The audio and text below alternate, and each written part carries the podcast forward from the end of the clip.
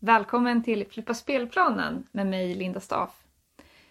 Dagens avsnitt är en del i kategorin Illusionerna i mitt liv. Och det här är en eh, serie som ja, den är liksom baserad på en bloggserie som jag skrev för några år sedan. Och som jag nu har valt att läsa upp efter eh, önskemål från några av er som har läst börjat läsa de här ganska långa inläggen som det blev. Eh, och då uppkom frågan om jag inte kunde prata in dem istället. Eh, så det är egentligen grunden till att jag överhuvudtaget startade en podd. Det var faktiskt för att jag skulle läsa in de här blogginläggen. Det har blivit 15 inlägg, alla med eh, temat då illusionerna i mitt liv. Vad är en illusion? Eh, för mig är det någonting som jag har eh, levt efter utan att reflektera över varför. Men när jag slutat leva på det sättet eh, har kunnat upptäcka någonting annat som dolde sig bakom det där sättet jag tidigare levde på. Eh, någonting jag inte var medveten om. Så eh, illusioner är egentligen sånt som jag hade i mitt liv. Ett sätt att vara eller ett sätt att leva mitt liv på. Som jag väl kan säga var, som jag tror det är för många, man lever utifrån eh, vad som förväntas utav en i samhället i stort.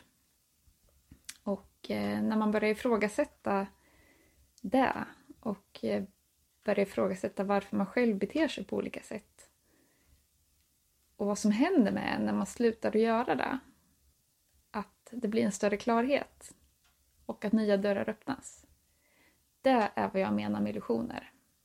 Och eh, det har blivit då en serie i 15 avsnitt som här kommer att läsas upp ett i taget. Eh, vi börjar med en eh, intro som är bakgrunden till till mitt liv. bakgrunden till mitt liv. Nej, det är bakgrunden till det här. Eh, vilket är eh, mitt liv. Tidigare. Ursäkta svamlet. Det är bäst att jag läser till. Det blir bättre så än att jag ska sitta och prata och bara höfta någonting här. Jag läser till. Det här är det första inlägget som jag publicerade som heter Intro till eh, illusionerna i mitt liv. Håll till godo!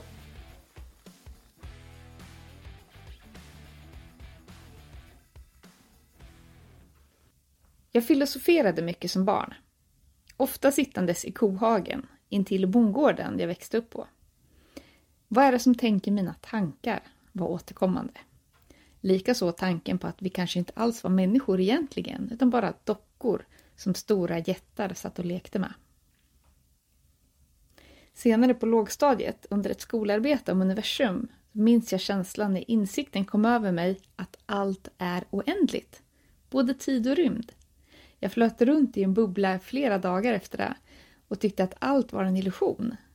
Det var nästan svårt att gå. Det kändes som att jag svävade fram i slow motion. Som 14-åring blev jag intresserad av buddhismen och lånade böcker om det från biblioteket, för det här var före internets tid. Jag mediterade på mitt flickrum, men efter en omskakande sittning som tog mig till en plats som var direkt skrämmande så övergav jag mediterandet och har inte funnit tillbaka till just den formen igen. Åren som följde ägnade jag mig mer åt den buddhistiska filosofin om allts föränderlighet, om att få perspektiv på livet och de inre konflikter man stöter på. Men något förändrades när jag var runt 25 år och jag vet inte varför. Kanske för att jag var gravid. Men eh, jag tappade mycket av det där. Idag kan jag se att det var nödvändigt. Det fanns andra sidor i livet att utforska. Och utan att märka det hade fötterna lämnat jorden. Jag slutade studera buddhismen, började tappa humöret och låta ilskan ta över. Jag började konsumera mer, drömma om fler resor, en stor bostad, en massa kläder. Under tio år snurrade jag runt där, Livet kändes så kul och det fanns så mycket i världen att upptäcka. Jag reste massor, men ville resa ännu mer. Det fanns ingen hejd. Det var verkligen kul. Jag fick kickar hela tiden.